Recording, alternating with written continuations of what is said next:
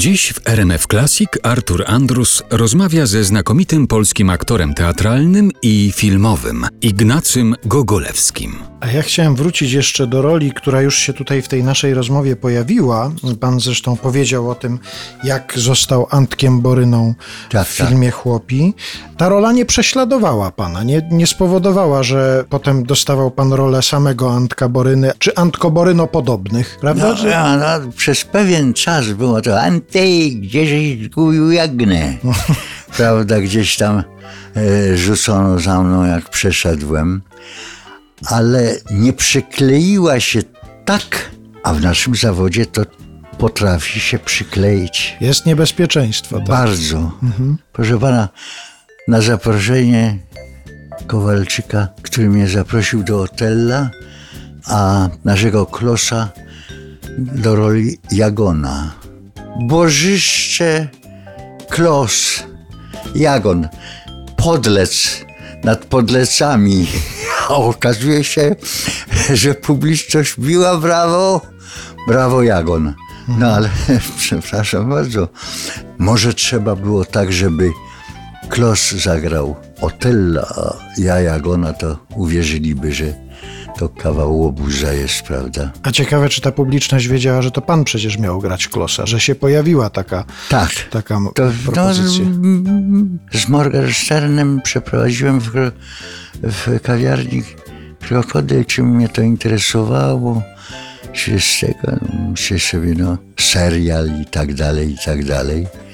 No, ale na raz wpadli, że jednak Klosa będzie grał kolega, powodzeniem zresztą, tylko że do niego się rola przykleiła. przykleiła. Do mnie żadna z tych ludzi nie przykleiła. W ten sposób mogłem zmieniać. To zagrać, tamto zagrać. Dzięki temu różnorodność y, repertuarowa była u mnie bardzo znaczna.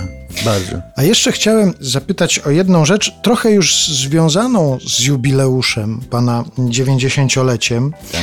Sytuacja, w jakiej się pan znalazł, w jakiej się znalazł teatr, spowodowała, że nie mogły się odbyć takie uroczystości, jakie powinny się odbyć przy tej okazji. Pan się pożegnał z publicznością właściwie korespondencyjnie. Napisał pan list. Ale to był list dotyczący tylko jednej roli, którą mm, grałem u Krystyny Jandy. Ekspresy zamieścił ten Gogolewski żegna się z teatrem. Ale ja się z teatrem nie, nie żegnałem. Za daleko A się- wyciągnięte wnioski. No tak, za daleko wyciągnięty wniosek.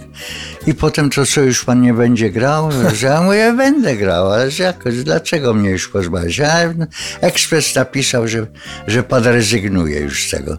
A ja tutaj miałem cały szereg interesujących y, propozycji. Bardzo sobie cenię ten ostatni okres. Wspomniałem o Krystynie Jandzie, która po prostu jest y, niebywałą zupełnie kobietą.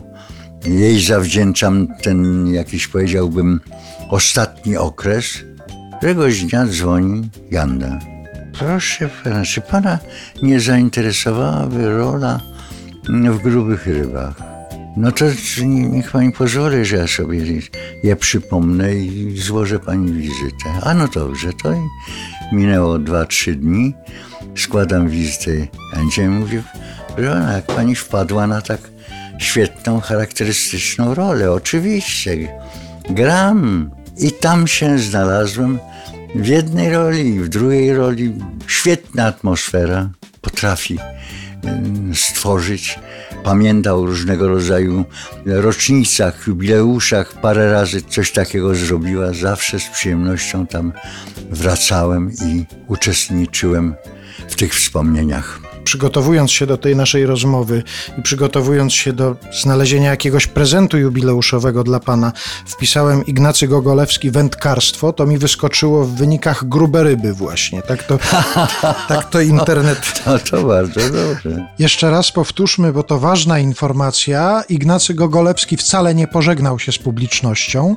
List cytowany jakiś czas temu przez pewną gazetę dotyczył pożegnania z jedną konkretną rolą, a na następne możemy już Do rozmowy z Ignacym Gogolewskim w Niedomówieniach wracamy już wkrótce.